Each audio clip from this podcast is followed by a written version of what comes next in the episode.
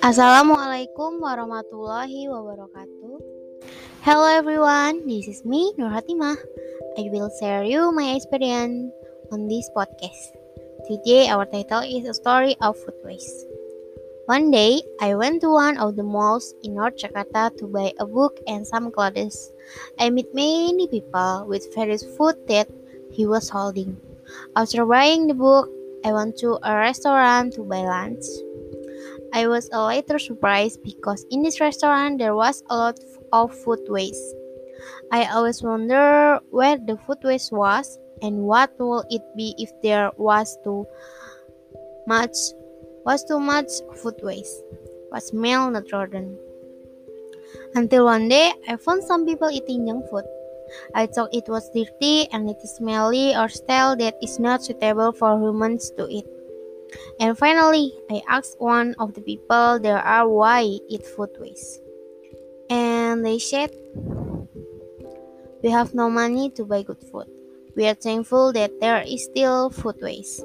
Otherwise, we will not eat, eat it seems like today. I was silent for a long time. I was silent, there was nothing. But I was silent because counting the money the money I brought today is not enough to buy good food for them.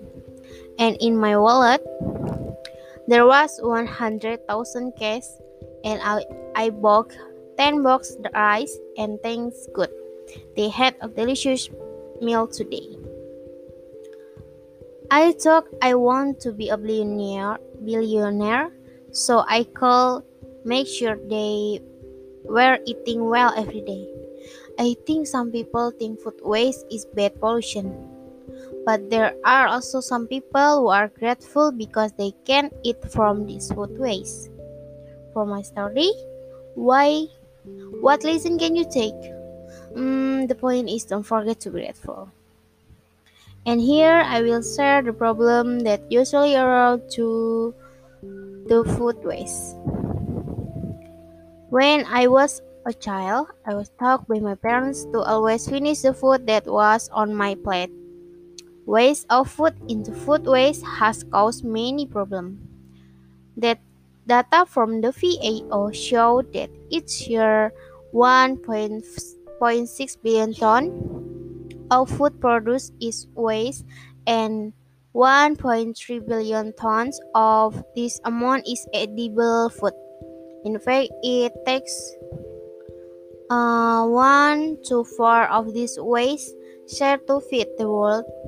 Uh, 817 million people and and then the world hunger crisis. What about Indonesia? Based on data from the Economist Intelligence Unit, Indonesia ranks second as the country that wastes the most food in the world after Saudi Arabia. On average, one Indonesia throw away about 300 kg of edible food each year. In fact, there are still 9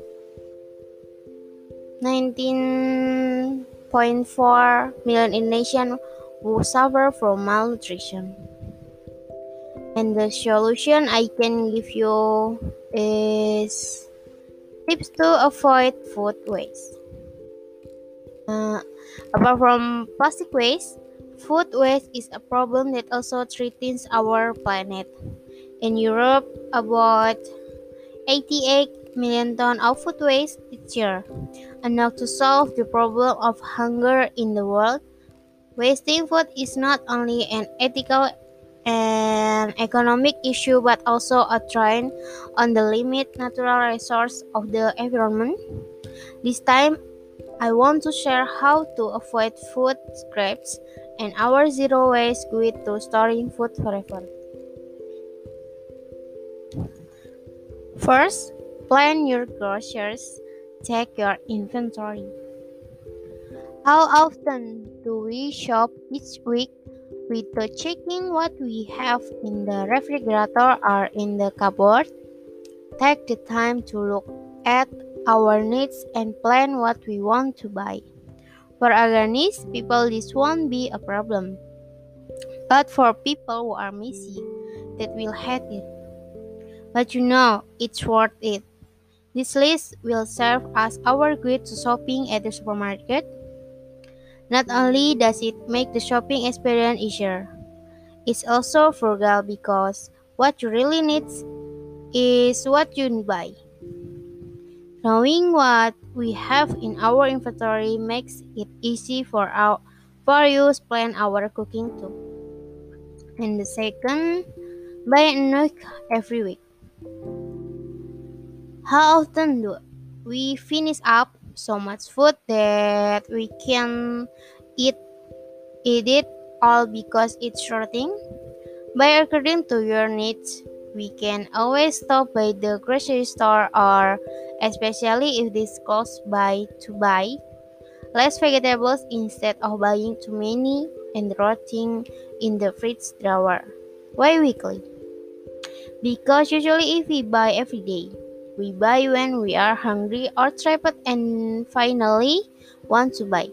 Don't shop when we are hungry for a often a hunger is greater than so much hunger. Take control of yourself and buy in the moderation. And the third,